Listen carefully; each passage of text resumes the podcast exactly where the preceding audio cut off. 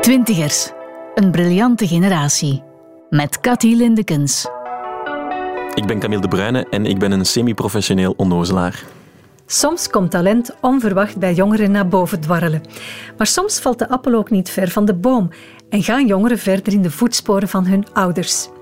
Maar ook dan kan een extra aansporing helpen om de juiste weg te vinden. Twaalf jaar geleden organiseerden we bij de VRT het eerste groot participatief jongerenproject, de Overname, voor talentjes van 14 tot 18 jaar.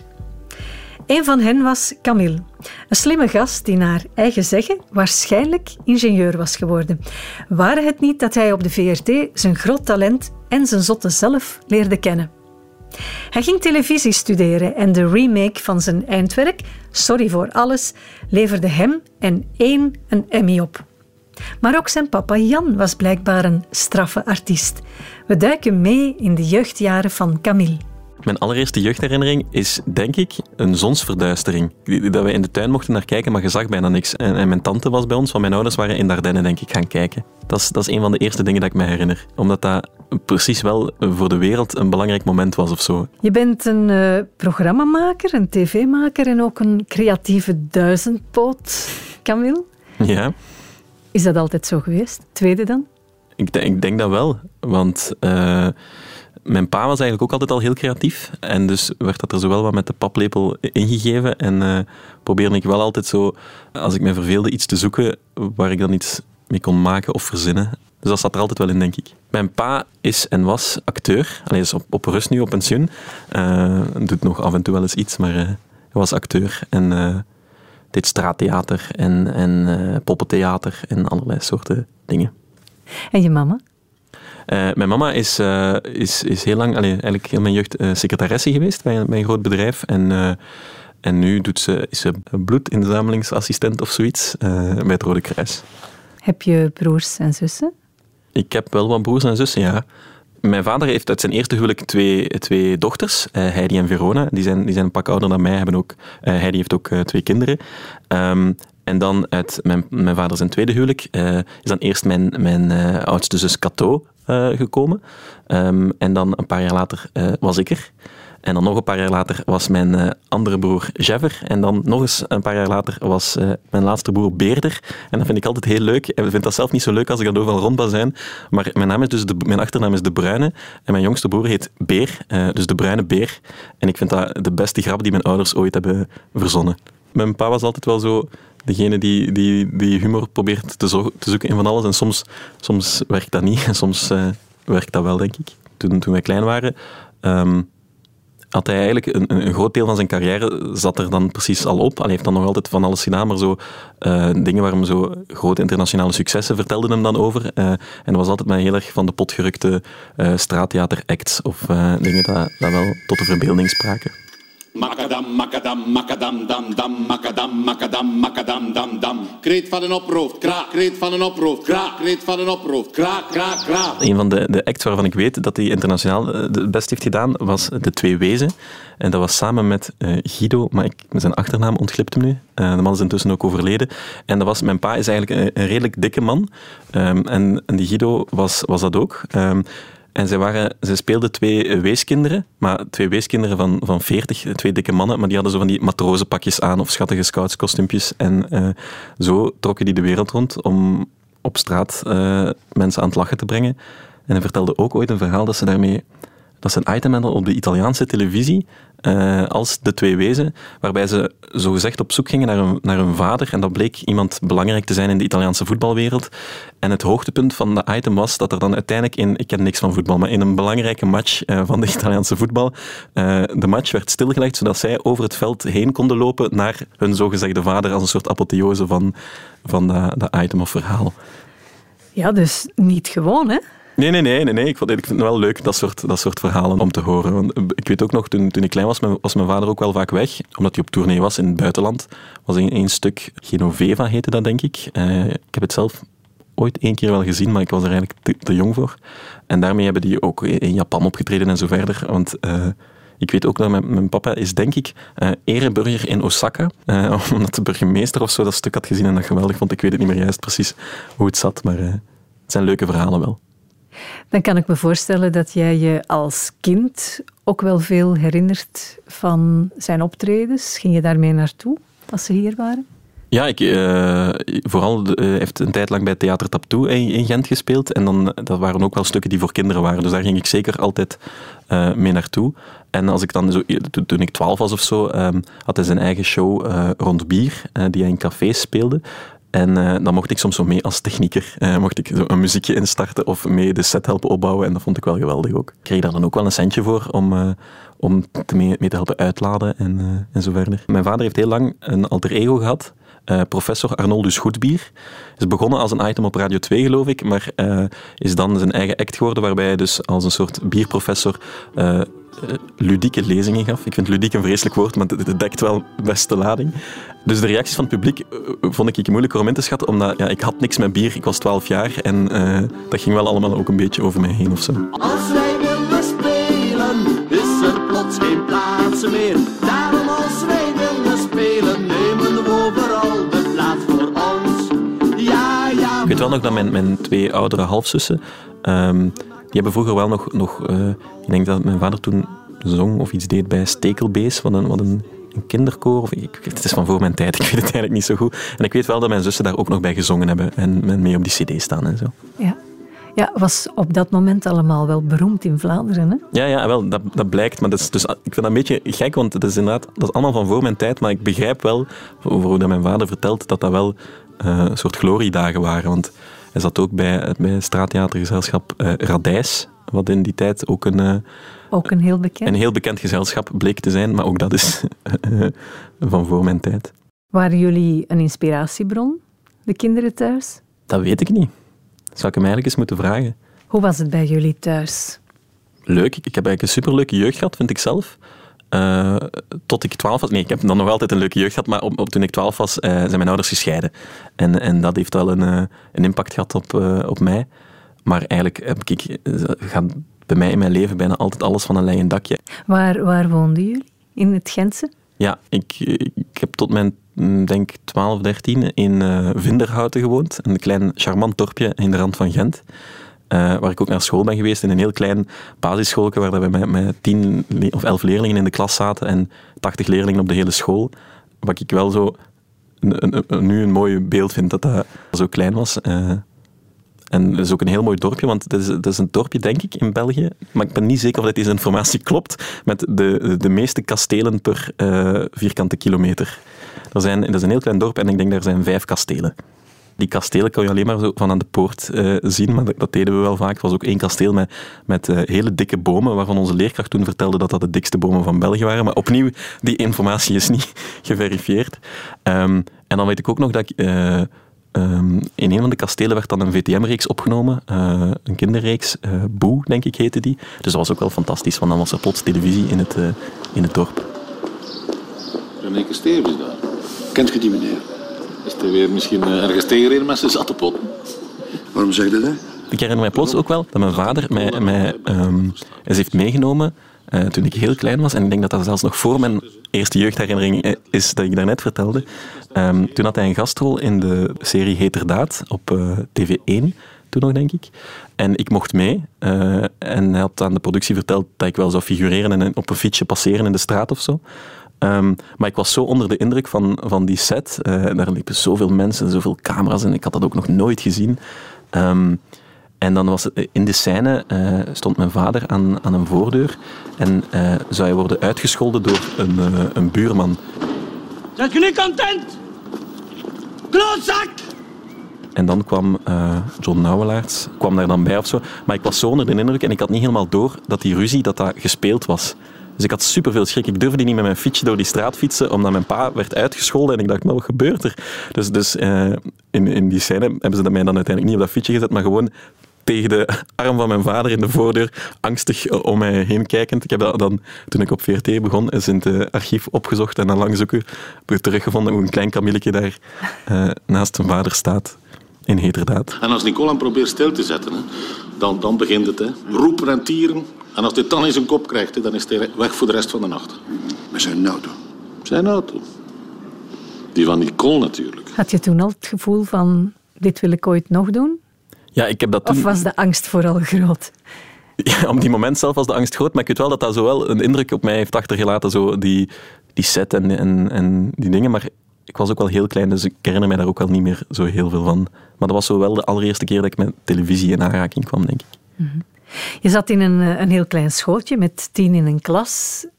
Kan ik me voorstellen dat je een, een leuke schooltijd hebt gehad? Hè? Ja, absoluut. Eh, dat was ook altijd de- dezelfde tien. En af en toe was er een graadsklas dat je dan zo en het vierde jaar samen zat. Eh, Allemaal mannen uit het dorp. En, en vrouwen, hè. Het, Ja. was, het, was, het was een gemengde school. Ehm, ja, dat was, dat was heel leuk. En ik weet wel ook, dus dat waren altijd dezelfde klasgenootjes. Maar dan zo in het, denk, vijfde leerjaar, eh, Joke, een, een heel goede vriendin van mij toen, eh, die haar ouders werkte voor een Europese instantie, denk ik, en die, die gingen verhuizen naar Luxemburg. Dus Joke zou vertrekken.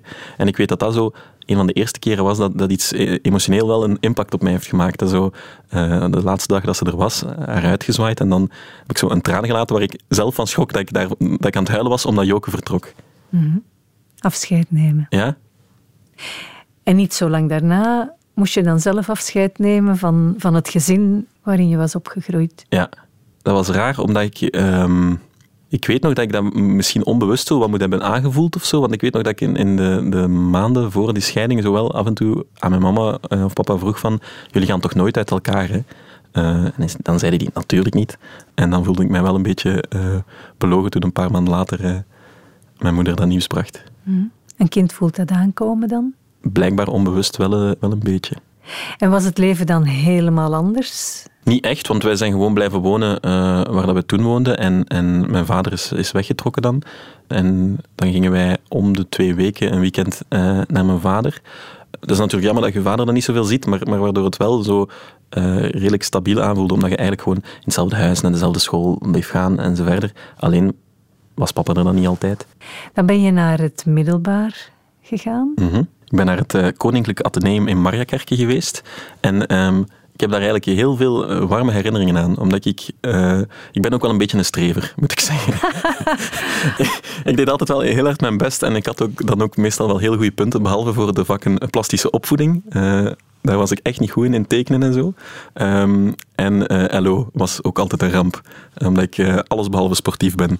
Maar voor de rest vond ik, vond ik het middelbaar heel leuk. Eh, eerst, eerst vond ik dat wel super akelig, omdat ik dus van dat hele kleine schooltje kwam en plots kom je in een, in een hele grote school terecht en ik kende ook, er waren ook maar eh, twee mensen, denk ik, vanuit eh, mijn lagere school die naar diezelfde school eh, zouden gaan.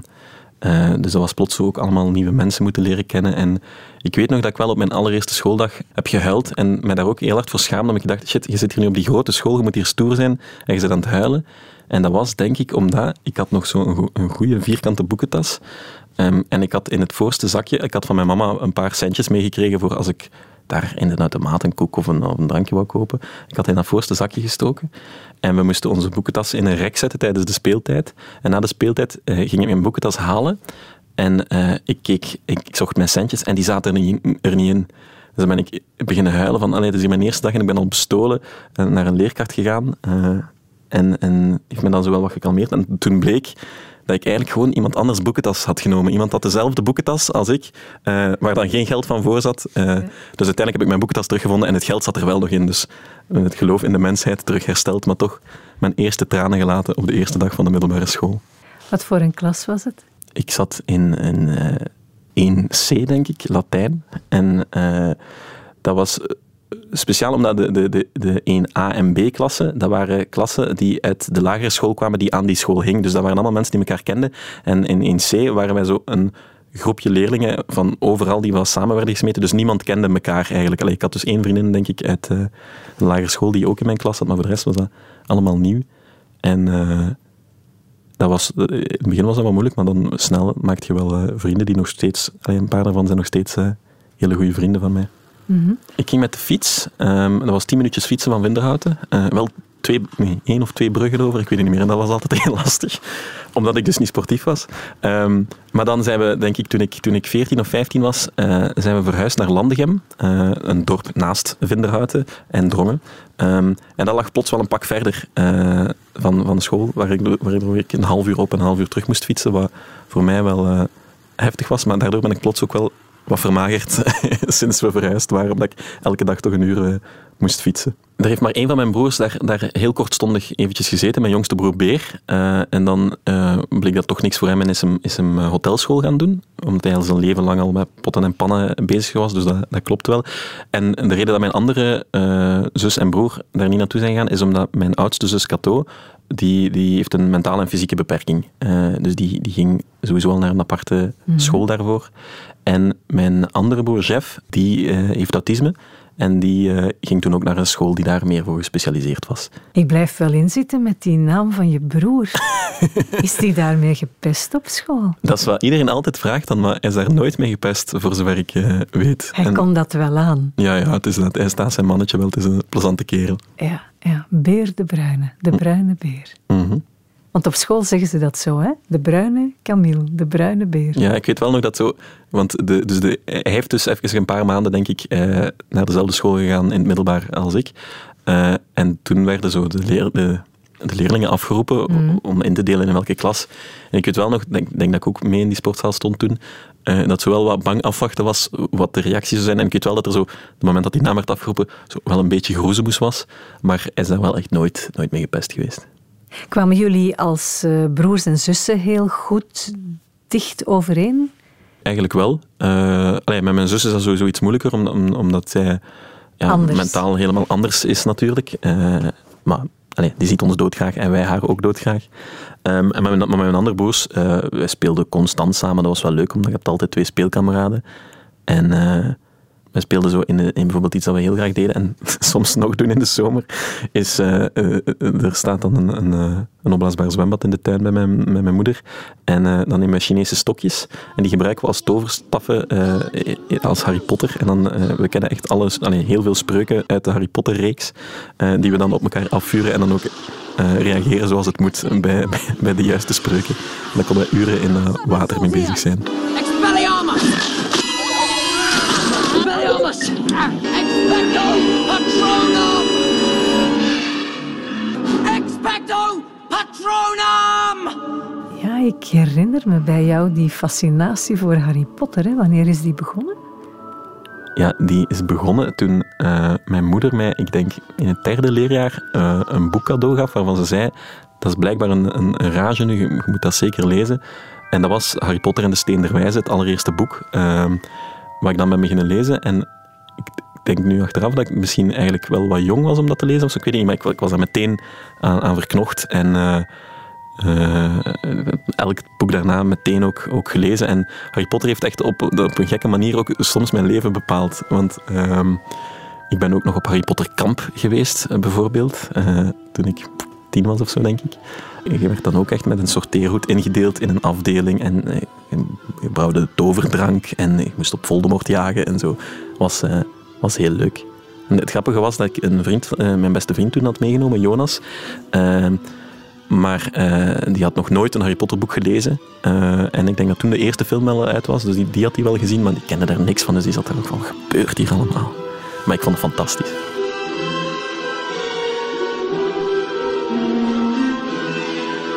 Ik heb nog veel Harry Potter herinneringen, maar iets wat ik nog altijd heel leuk vond, toen de allerlaatste film in première ging, um, dat was 2012 of zo, ik weet het niet precies. Um, toen zat ik op het rits uh, en heb ik met een aantal vrienden daar besloten. Het is het einde van een tijdperk, uh, de laatste première. Uh, dus eh, zijn wij naar Londen gegaan, waar dus die wereldpremière was. We hadden daar geen tickets voor of zo, maar we zijn als echte diehard fans drie dagen op voorhand, ah nee, sommigen van hen drie dagen op voorhand, ik één dag op voorhand, gaan kamperen op Trafalgar Square, waar de rode loper lag, zodat we de sterren zouden konden, kunnen zien. En dat was een heel bijzondere sfeer die daar hing, omdat je daar allemaal met gigantische Potterheads lag. En vanaf dat de trailer werd gespeeld, elke 10 minuten, begon iedereen te krijsen en was een uh, bijzondere ervaring. But you know what? I just want to say the biggest thank you to the 3,000 people who've been here for five nights in the pouring rain.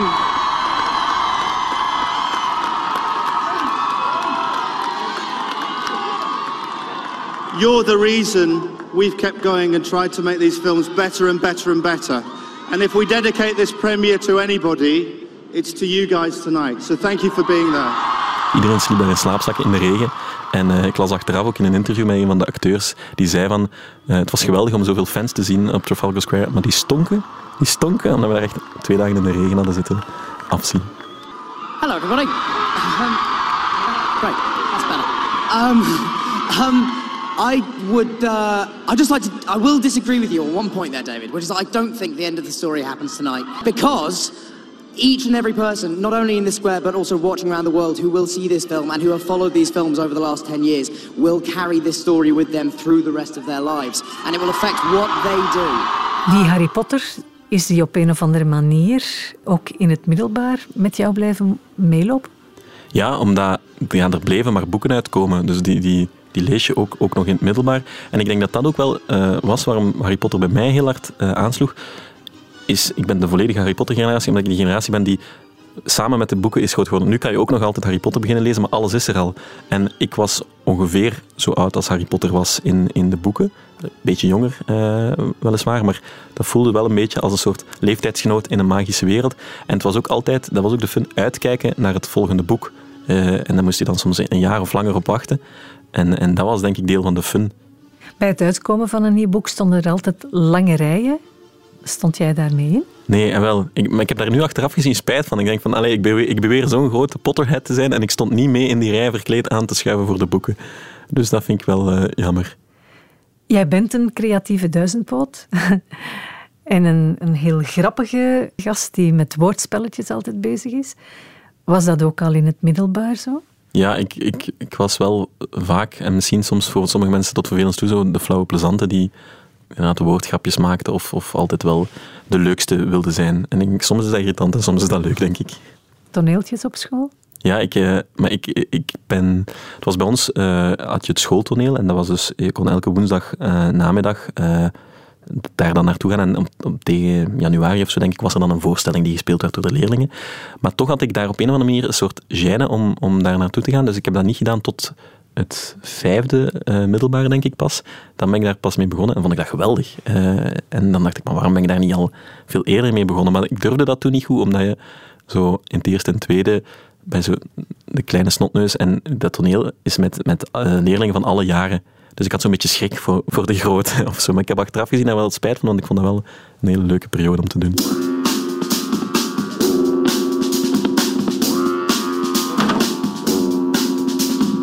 Um, ja, we zijn dus nu de, de, dingen aan het klaarzetten voor de repetities allemaal. Het decor moet nog wat geplaatst worden. En... We zien dat iedereen nog tevreden blijft. En ja, spullen heel tijd op en neer halen. En gewoon zien dat alles hier in orde is voor ze weten. Je bent toen je 16 was hier bij de VRT gekomen in het uh, jongerenproject de Overname. En bent daar helemaal los kunnen gaan. Absoluut. Waarom had je je ingeschreven? Ja, ik las, ik las die oproep ergens um, en ik vond dat wel heel, heel fascinerend, omdat dat, was, dat klonk wel als een zot project waar je van alles mocht doen. En uh, ik ben wel al uh, sinds, sinds het eerste middelbaar, denk ik, met zo uh, dictie en voordracht en toneel uh, in deeltijds kunstonderwijs begonnen. En daardoor had ik ook niet zoveel zin om op school nog eens dat schooltoneel erbij te doen. En toen ik die, dus die overname oproep zag, had ik ook zo nog ergens een soort van acteerambities, denk ik.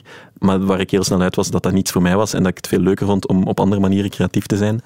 En omdat ik ook dus uh, via mijn vader wel in aanraking was gekomen, zowel allemaal met televisie en, en creativiteit, leek de overname me wel een toffe plek om iets te doen. En ja, op de VRT is toch een soort mythische plek om uh, naartoe te mogen als 16-jarige. Maar je moest niet meer angstig zijn arm vasthouden. Nee, dat was niet meer nodig toen. Alhoewel dat ik wel stress had toen, toen ik het eerste gesprek, waar dat jij ook bij werd, uh, had ergens in Gent, was dat wel zo shit, allemaal mensen van de VRT en Andrea Kronenberg zat daar denk ik bij, dus dat was wel zo shit, een BV.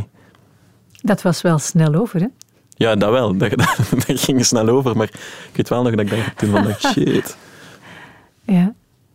En, en welke, welke rol had je daar of heb je voor jezelf daar uh, in dat project gemaakt? Want je mocht de VRT mee overnemen, maar alles kon eigenlijk. Hè? Ja, en dat was net het leuke, maar ook het moeilijke om daar zo wat keuzes in te maken. Want ik had toen um, het gevoel van, uh, ik wil regisseur uh, zijn. En dan hebben we een, een talkshow gemaakt. Um, waar ik de regie van deed. Maar achteraf gezien heb ik daar bijna geen regie gedaan, want we werden begeleid door uh, Kevin Haube, denk ik, een uh, die dat eigenlijk vooral deed, want ik wist niet wat ik aan het doen was. Ehm, en voor de rest was dat... Ja, leuk. Cameraman heb ik je ook nog zien. Wel, maar dat is het leuke bij de overname. Uiteindelijk heb je alles gedaan. Hè. Ik heb daar decor zitten schilderen, cameraman geweest, eh, eh, radiopresentator, eh, schrijver, alles, alles wat je maar kan bedenken. Twintigers. Een briljante generatie. Door toen ik 16 was mee te doen aan de overname, eh, had ik echt wel zoiets van: ja, ik wil televisie maken, hoe cool is dat? Ehm, maar ik, ik zei ik was op school ook een heel harde strever en, eh, en ik, ik hield ook van wiskunde. Eh, en mijn moeder wilde dan ook heel graag dat ik, eh, dat ik burgerlijk ingenieur of zo ga studeren. En ik heb dat ook echt overwogen, maar ik had dan toch zoiets van: ja, maar die overname, dat was zo leuk. eh, en, en ik wil zo graag televisie maken. Zou ik niet toch meedoen aan de toelatingsproef op het Rits? Ehm, en dan heb ik dat gedaan en was ik daar, daardoor. En dacht ik, ja, het is veel leuker om te doen dan eh, met mijn neus in de boeken eh, cijfertjes te zitten tellen. Wat vond je moeder dan?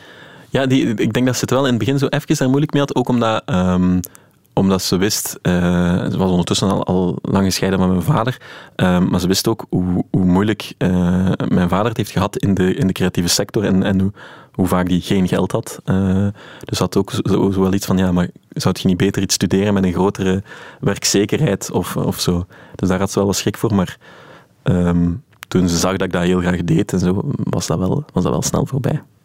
Het Rits is weer een heel andere omgeving om, eh, om binnen te komen Mhm. als eh, jonge gast, als student. Is dat vanzelf gegaan of had je het daar moeilijk in het begin? Ik had het daar niet moeilijk in het begin, eh, om, net omdat ik die ervaring van de, de overname had eigenlijk. Want ik, het RITS is ondertussen, ondertussen helemaal veranderd, dus wat ik nu ga zeggen is niet representatief voor de huidige opleiding op het RITS. Maar ik had het gevoel door de ervaring die ik had hier op VRT, dat de eerste twee jaren RITS verspilling waren voor mij.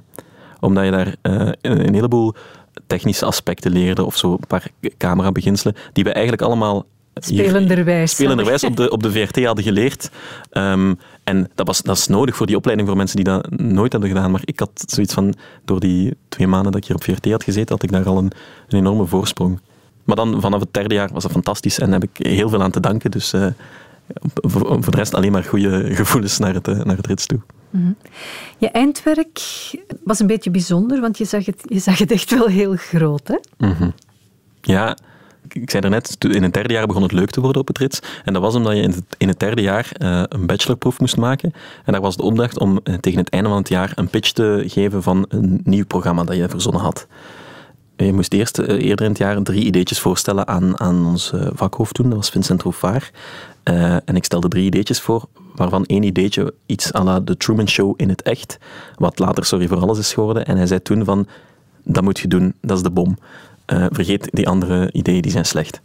Eh, dus ik dacht, oké, maar ik was wel heel enthousiast over dat ene. Dus die pitch helemaal uitgewerkt. En ik wilde dus inderdaad een programma maken waarin ik 30 dagen lang iemands leven overnam met verborgen camera. En dat hij dan achteraf daar een, een, een quiz over moest spelen, over wat die persoon had, had meegemaakt in die verborgen camera dingen. Dus ik zag dat wel groots, maar ik vond dat wel heel leuk ook. Mhm. Groots in de zin van, ehm, het, het was wel een dure productie om te maken als student. Het is dat, het is een ambitieus project. Maar nu, als bachelorproef was ik daar nog niet mee bezig, omdat toen moest je het alleen op papier eh, uitwerken. En dan had ik zowel twee eh, verborgen camera grapjes met mijn docenten uitgehaald om, om die pitch eh, sterker te maken. Maar dan in het, in het vierde jaar, in, in het masterjaar, wordt dan gevraagd van tegen het einde van het jaar maak je een aflevering van een nieuw programma. En dat mag hetgene zijn van je bachelorproef, maar mag ook iets nieuws zijn. Maar ik geloofde zo hard en ik was zo enthousiast over, over dat, eh, dat idee dat ik dat dan eh, ook gedaan heb. Maar, maar met, met een studentenbudget, inderdaad. Want het is, is Sorry voor Alles is een, is een duur programma, daar, moeten we niet stom over doen. Eh, en toen, in mijn masterjaar, had ik zelf niet zoveel centen natuurlijk. Dus ik heb, ik heb een crowdfunding-campagne gedaan, waar dat ik 1000 euro mee heb opgehaald of zo, denk ik. En dan heb ik er toch nog, nog 1000 of 2000 euro spaargeld eh, ingestoken. Eh, en ik denk, al- alles tezamen, ik weet niet waar de rest van het geld vandaan kwam, als ik nu het opstelsom maak, maar alles tezamen heeft mijn eindwerk toen 5000 euro gekost. Wat eigenlijk eh, niet zoveel is, want er zijn studenten die nog veel meer aan hun, aan hun eindwerk afgeven, maar dat was het maximum wat ik op dat moment kon doen. En dan had ik dus een aflevering van het programma dat toen nog Hier vloekt men niet heette en later Sorry voor alles is geworden, waar toen nog heel veel uh, fouten in zaten en dingen die niet klopt of niet juist waren. Uh, omdat dat, ik had dat bijna op mijn eentje, allez, ik had dat inhoudelijk volledig op mijn eentje gedaan. Ik werd productioneel wel bijgestaan door, door, door medestudenten. Hier vloekt men niet. De eindshow was ook in een, een, een, vroegere kerk in Mechelen. Ja, dat klopt. Ik vond het wel cool om, om zo ja, dus die titel kwam, uh, kwam van, van, van zo die, die bordjes die je ziet van God ziet u, hier vloekt men niet. En ik vond dat wel leuk, een leuk idee dat, dat, uh, dat er een soort, ja, was een soort goddelijke ingreep in het programma, in, in iemands leven. En dan dacht ik van, ja, ik kan in een studio kruipen, maar het, het, kan ook heel leuk zijn om het op verplaatsing te doen in een kerk. En dan hadden we die, die kerk gevonden die helemaal leeg stond. Stel u even voor dat iemand u hierboven in de gaten houdt en uw leven overziet. U denkt dat u uw eigen keuzes kan maken en toch zijn wij erin geslaagd om de vorige maand één Vlaming haar keuzes zelf te bepalen. We hebben God gespeeld in haar leven. We hebben ingegrepen. We hebben haar zelfs gemanipuleerd. We hebben haar voortdurend in de gaten gehouden en op die manier gezorgd voor dertig onwaarschijnlijke dagen in haar leven. Wij zien u. Hier vloekt men niet. Je presentator was toen Peter van de Veire. Hoe heb je hem overtuigd? Heel stoem eigenlijk. Maar ik vind, eh, Peter is, is zo'n geweldige zot die voor gekke dingen durft springen zonder kijken. Uh, want ik had uh, toen met de overname, of enkele jaren later, uh, hier op VRT een radioworkshop gehad met Peter. Um, en dat was de eerste en enige keer denk ik dat ik die had ontmoet. Maar ik vond dat wel heel leuk en ik had wel het gevoel dat we, dat we een klik hadden. En dan had jij ook nog een, een mailtje gestuurd van Peter, die had gestuurd van die Camille in de gaten houden. En dat vond ik wel een leuk compliment. Dus als ik, toen ik dan een, een presentator zocht voor mijn eindwerk, dacht ik, ik mail gewoon naar Peter van de Veire, want ik durfde toen nog niet goed bellen. Ondertussen heb ik geleerd om, om te bellen, maar toen durfde ik dat niet goed. Dus ik gewoon, uh, hey Peter, uh, misschien ken je me nog, ik uh, zit op Trits en heb een, een gek idee, wil je het komen doen? En ik denk zelfs zonder dat ik heel veel uitleg over het idee heb gegeven in die mail, zei hij, dat is goed, prima, laat maar weten hoe, wat, waar. En dan ben ik eens naar hem thuis geweest om het uit te leggen en mm. was hij helemaal aan boord. Twintigers, een briljante generatie. Met Cathy Lindekens. Een geniaal eindwerk was het en ik kan het weten, want ik zat mee in de jury. Dit moest en zou een echt tv-programma worden. En Camille zou eindelijk als collega deel gaan uitmaken van de VRT. Ik was eigenlijk, eh, toen ik afstudeerde, uh, meteen begonnen bij Catnet uh, als redacteur. En terwijl ik hier bij Catnet zat, ben ik dat, wel, dat idee wel een aantal keer gaan pitchen, hier bij, bij één. En dan was het wel altijd van, het is toch wel een, risicovol programma, een duur programma, kunnen dat wel doen? En, ik, ik, ja, ik heb het gedaan, en, en zo verder enzovoort. En dan kwam er niks van, uh, tot ik eigenlijk... Um, dat zo wat had opgegeven. En er was toen op de, de jongerenzender Op 12, die toen nog bestond, of kort heeft bestaan, mm -hmm. was er een slot waar ze studenten programma's uitzonden. Dus ik had dat ingestuurd om daar te laten uitzenden. Omdat ik dacht, ja, daar gaat toch niks meer mee, gebeuren. En uh, de dag voor uitzending kreeg ik uh, telefoon van uh, Steve, dat was toen de adjunct-netmanager van 1. Mm -hmm. En die, die zei van, ja, ik heb hier een eindwerk doorgestuurd gekregen dat vanavond of morgen wordt uitgezonden op 12. Ja, we gaan dat niet uitzenden. want we vinden het eigenlijk veel te interessant om zelf iets mee te doen, dat we het zonde zouden vinden om dat nu vanavond uit te zenden. Dus dat was een hele gemengde boodschap, maar ik was wel vooral heel blij, want plots was er toch iemand bij de, bij de zender, één, die geïnteresseerd was in dat programma. En dan hebben we een piloot gemaakt en, en is dat verder ja. Eh, gelopen. Je mocht dan echt je eigen programma maken bij één. Er werd een crew samengesteld. Daar werd redelijk snel een, een eindredactrice uh, opgezet. Dat was uh, Ellen van Hoven. En het leuke was dat ik Ellen eigenlijk al kende van het uh, project De Overname. Want zij was toen ook een van onze begeleiders. Dus ik vond dat wel meteen leuk. En dan was ook een van de productieassistenten was, was Minke. En Minke was ook een van de, de jongeren die het project De Overname had meegedaan. Dus dat was wel een soort cirkel die rond werd. Het leek ook alsof jullie er minstens evenveel plezier aan beleefden. Absoluut. Als, als de mensen die mee in het complot zaten en, en de mensen die uiteindelijk dan uh, Absoluut. Sorry voor alles. Het is echt een geweldig programma om te maken. Het sloopt uw leven, maar het is wel, uh, het is wel geweldig. Maar we zijn eigenlijk eerst begonnen met dus, uh, het concept dat ik als student had uitgewerkt. De basisinsteek daarvan was dus ook, we volgen iemand 30 dagen, dan spelen we een quiz. Maar het quizgedeelte was nog, zat nog niet helemaal juist. Dat eerst wat verder uitgewerkt en, en wat nieuwe rondes verzonnen, zodat dat volgens ons wat op punt zat. En dan moet je iemand zoeken die het slachtoffer wordt. Maar ik, ik, gebruik niet graag het woord slachtoffer, omdat we proberen wel in Sorry voor Alles. Uh, het is eigenlijk in essentie ook wel een feel-good programma waarin dat we een soort helden proberen te maken van onze kandidaten. Dus ik noem ze meestal kandidaten, ook al hebben ze zichzelf niet zo vrijwillig kandidaat gesteld. En dan ehm, hadden we uiteindelijk iemand gevonden, een hele eh, toffe dame, eh, waar we dan een complot hebben rondgebouwd met haar vriend en, en, en vriendinnen. Maar dat we dan dertig dagen lang van alles aan het doen waren, dat we zelf ook niet zo goed wisten, want dat was de eerste keer dat we dat in een soort professionele omgeving maakten. We hadden ook allemaal niet- eigenlijk geen verborgen camera-ervaring. Denkt niemand van de ploeg.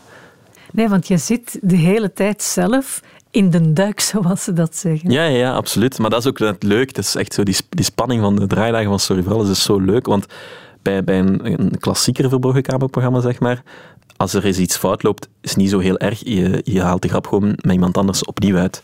Maar bij Sorry voor Alles, net met dat het zo'n groot en lang complot is, eh, mag het natuurlijk niet fout lopen. Want vanaf het ergens fout loopt, ja, kan, het, kan de hele aflevering als een kaartenhuis ineenvallen. Hebben jullie er eh, bewust voor gekozen om de hele ploeg ook mee in beeld te brengen?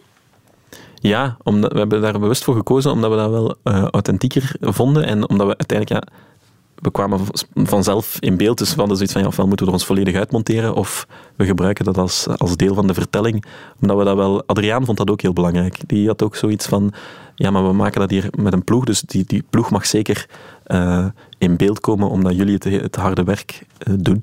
En dat was ook het leuke in, in Sorry voor Alles, dat we ook alles deden. Je had natuurlijk, iedereen had op zich zijn eigen taken, re- regisseur, redacteur en zo verder. Maar heel vaak heb ik zelf ook een camera vastgenomen of moest ik dan toch een rolletje spelen om, om het te doen lukken.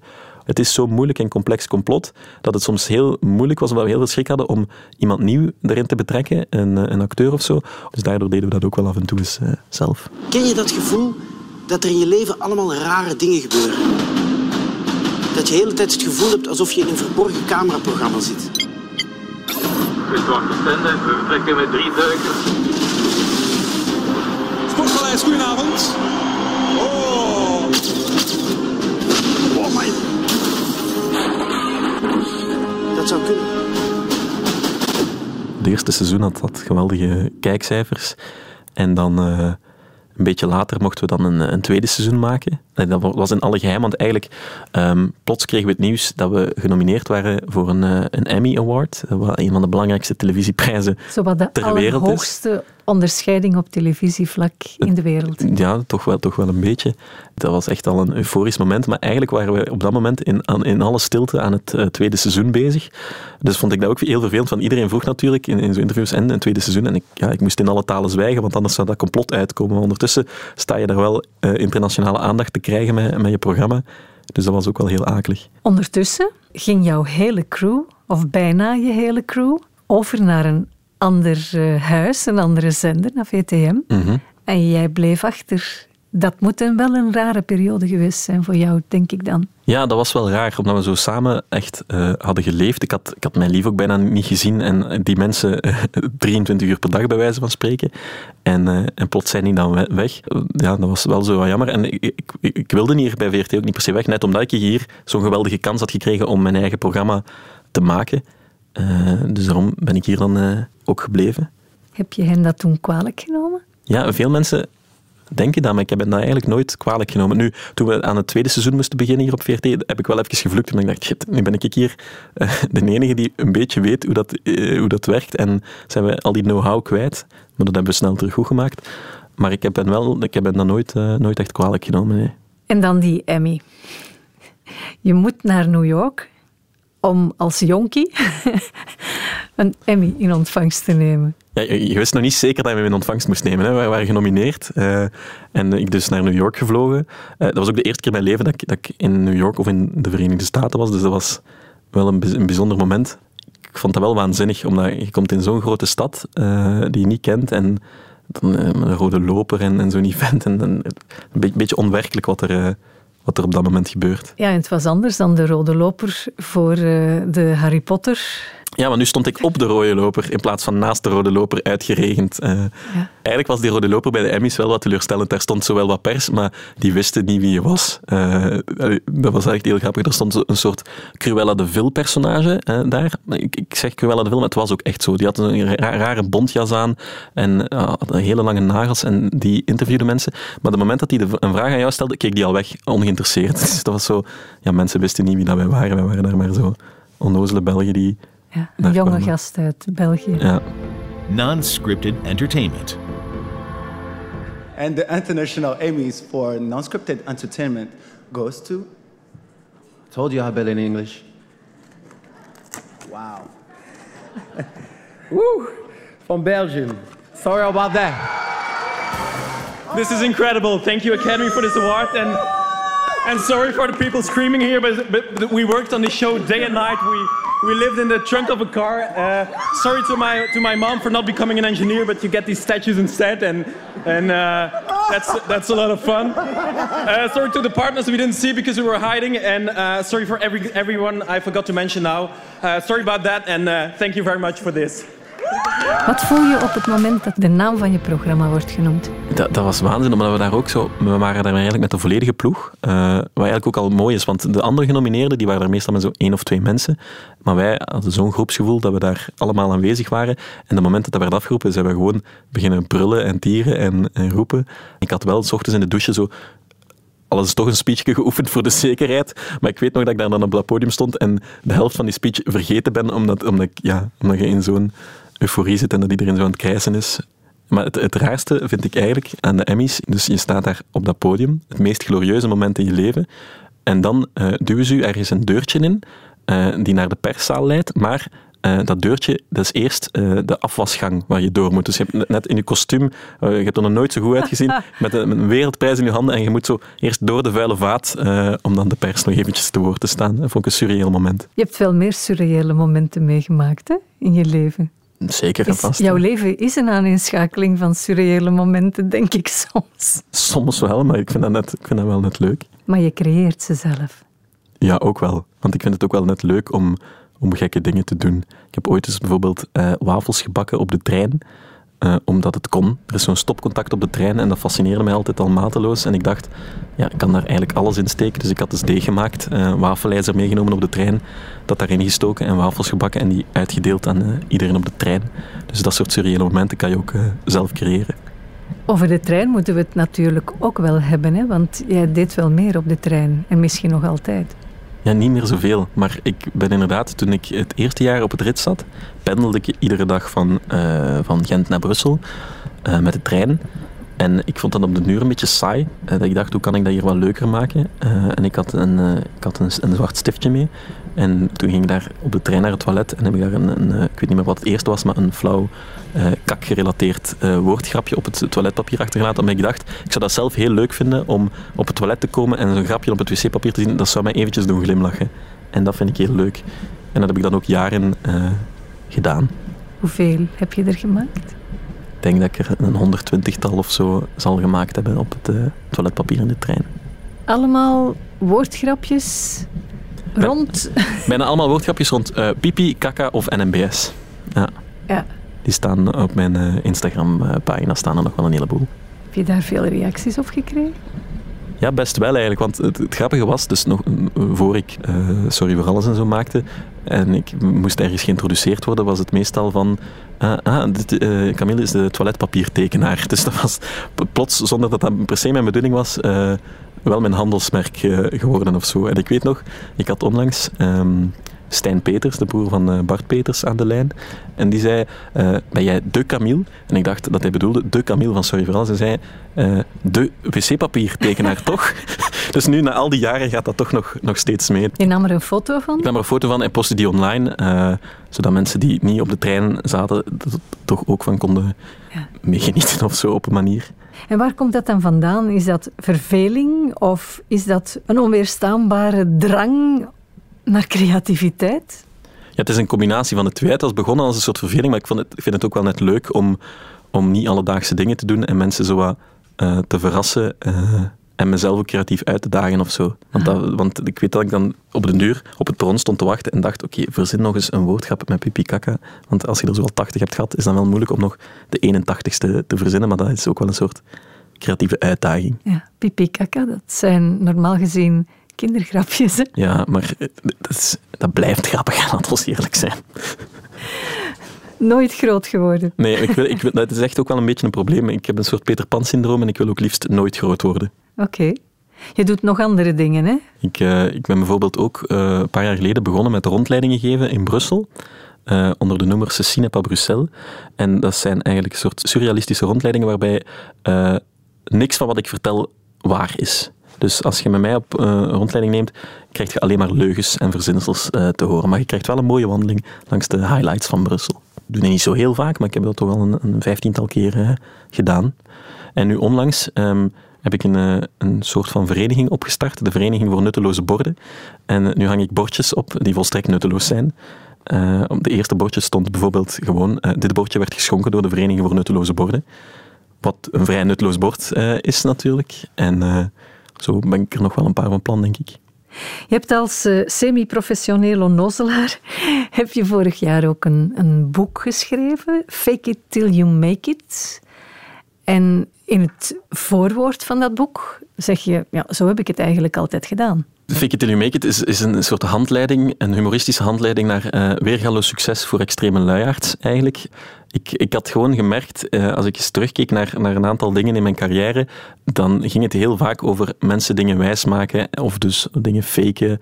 Um, en dan dacht ik, ja, waarom ook niet zo'n zo'n boek maken? Want ik had, ik had eerder, uh, dat jaar of, of het jaar daarvoor, had ik voor de talkshow van Giels en Gasten een, uh, een rubriekje gemaakt. Dat heette De Broer van Kevin De Bruyne. Uh, waarin ik deed alsof ik de broer was van de topvoetballer Kevin De Bruyne, waar ik voor alle duidelijkheid niet ben, uh, om te kijken wat kan je daar allemaal mee krijgen of waar kan je binnenbluffen met, uh, met die naam.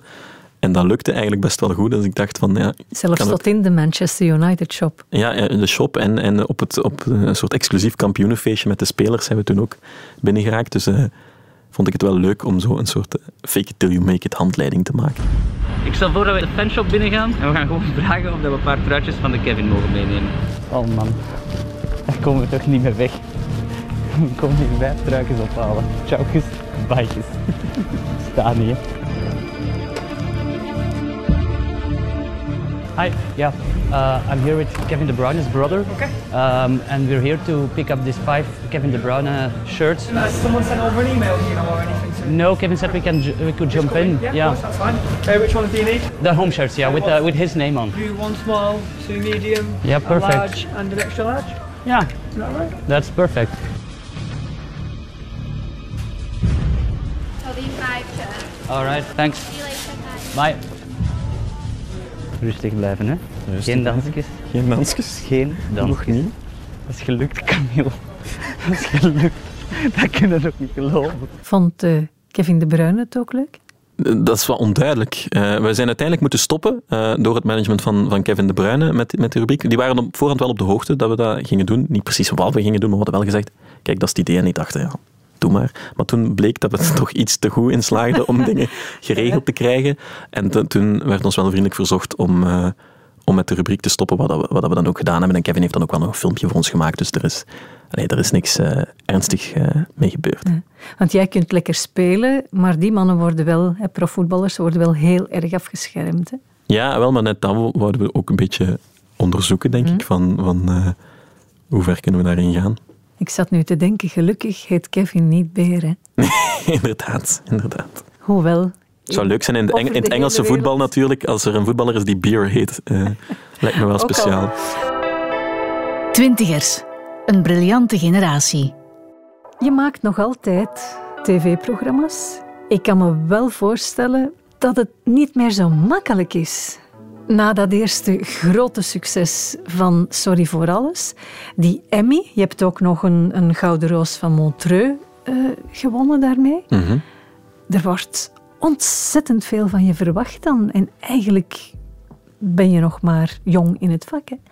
Ja, ik, ik, ik, heb het daar zelf ook wel lastig mee. Want, want uh, ik heb ook wel torenhoge ambities. Ik wil ook graag uh, nog eens een geweldig programma maken dat niet sorry voor alles is, maar wel even, mm. even leuk of even succesvol is. Uh, maar dat is ook wel heel moeilijk om...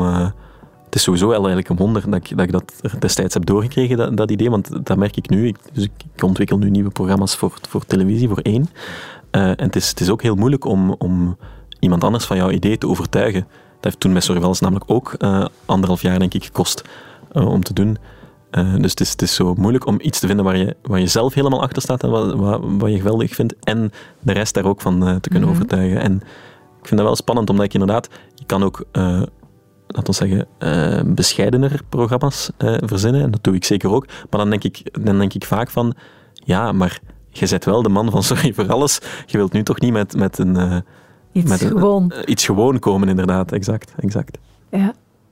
Het was ook heel moeilijk om, hè, jullie hebben een tweede reeks Sorry voor alles gemaakt, maar het concept vraagt eigenlijk dat alles geheim is. Dus eens de mensen dat concept doorhebben, is het wel heel moeilijk om dat nog eens te herhalen. Hè? Dat is inderdaad een schrik die we zelf hadden en die vooral iedereen, iedereen dacht van, ja, sorry voor alles, je kunt daar geen tweede seizoen van maken. Wij dachten wel, ja, dat, dat zou, zou ons wel lukken, maar is inderdaad, ja, je moet veel voorzichtiger zijn. Ik, zei- altijd van, je verwacht nooit dat je in iets als Sorry voor alles zit, als je toch niet weet dat dat bestaat. Want hoe fucked up is het dat er een soort mega complot eh, met al je vrienden en familie rond heel je leven gaande is. Dat kun je niet verzinnen. Maar in dat tweede seizoen is dat plots inderdaad wel zo op kousen voeten lopen. Ja, maar het kan dus perfect een tweede seizoen en we zouden perfect nog een, een derde en een vierde seizoen ook kunnen maken. Denk, Denk ik ook. En na een aantal jaar zijn de mensen dat toch compleet vergeten. Ook, ja, ja, absoluut. Want ik Als merk dat nu al. zoiets zouden gelokt worden. Het is dat. Ik merk dat nu al. Ik, eh, ik ben soms zelf, ik betrap ik mezelf erop, teleurgesteld in hoe weinig mensen Sorry voor Alles nog kennen. Hoe snel mensen dat vergeten. Eh, als ik mij ergens voorstel of zo, zeg ik, ja, ik heb Sorry voor Alles gemaakt. Oei, nee, welk, welk programma? Ik ken dat niet. Eh, en dat is altijd zo wel ook een reality check eh, die goed is. Ja, je bent snel vergankelijk in de media. Zo blijkt, hè. Nieuws. Jan Smit houdt Vlaamse tv heet Sorry voor alles naar ons land. Jan Smit gaat voor Avro de Nederlandse versie presenteren van het bij onze zuiderburen razend populaire programma Sorry voor alles. Wat zijn je grote dromen? Ja, mijn, mijn grootste droom is gewoon nog eens een programma als Sorry voor Alles maken dat, dat heel veel succes heeft en eh, waar ik zelf ook super trots op ben. En dat net als Sorry voor Alles ook in het buitenland verkocht wordt. Dat zou en dan ook- heb je kindjes in het buitenland. Dat zou, dat zou ook heel leuk zijn, maar dat vond ik ook inderdaad geweldig. Dus we hadden al die twee seizoenen gemaakt, eh, die Emmy gewonnen, die Gouden Roos gewonnen. En dan, eh, wat dan eigenlijk ook nog is gebeurd, dat vond ik ook superleuk, is dat inderdaad, er is in Nederland een eh, reeks van Sorry voor Alles gemaakt. En in Duitsland ook, daar heette het Sorry voor Alles. En dat was wel cool, want ik mocht daar dan een paar keer naartoe en dan sta je daar plots in het buitenland op een set van een idee dat jij als student ergens had, staat daar plots, eh, staan daar plots 50 Duitsers eh, aan te werken. En dat is echt eh, een geweldig moment. Vielleicht haben Sie sich auch schon mal gefragt, wo sind denn bloß die versteckten Kameras? Zwei Kandidaten, vier Wochen lang auf Schritt und Tritt verfolgt. Wo ist mein Opfer? Los geht's. Nichts gemerkt? Und dann auch noch ins Fernsehen. Alles, was du tun musst, ist Fragen beantworten. Es ist der Dödelmorka. Martoresu. Sorry für alles.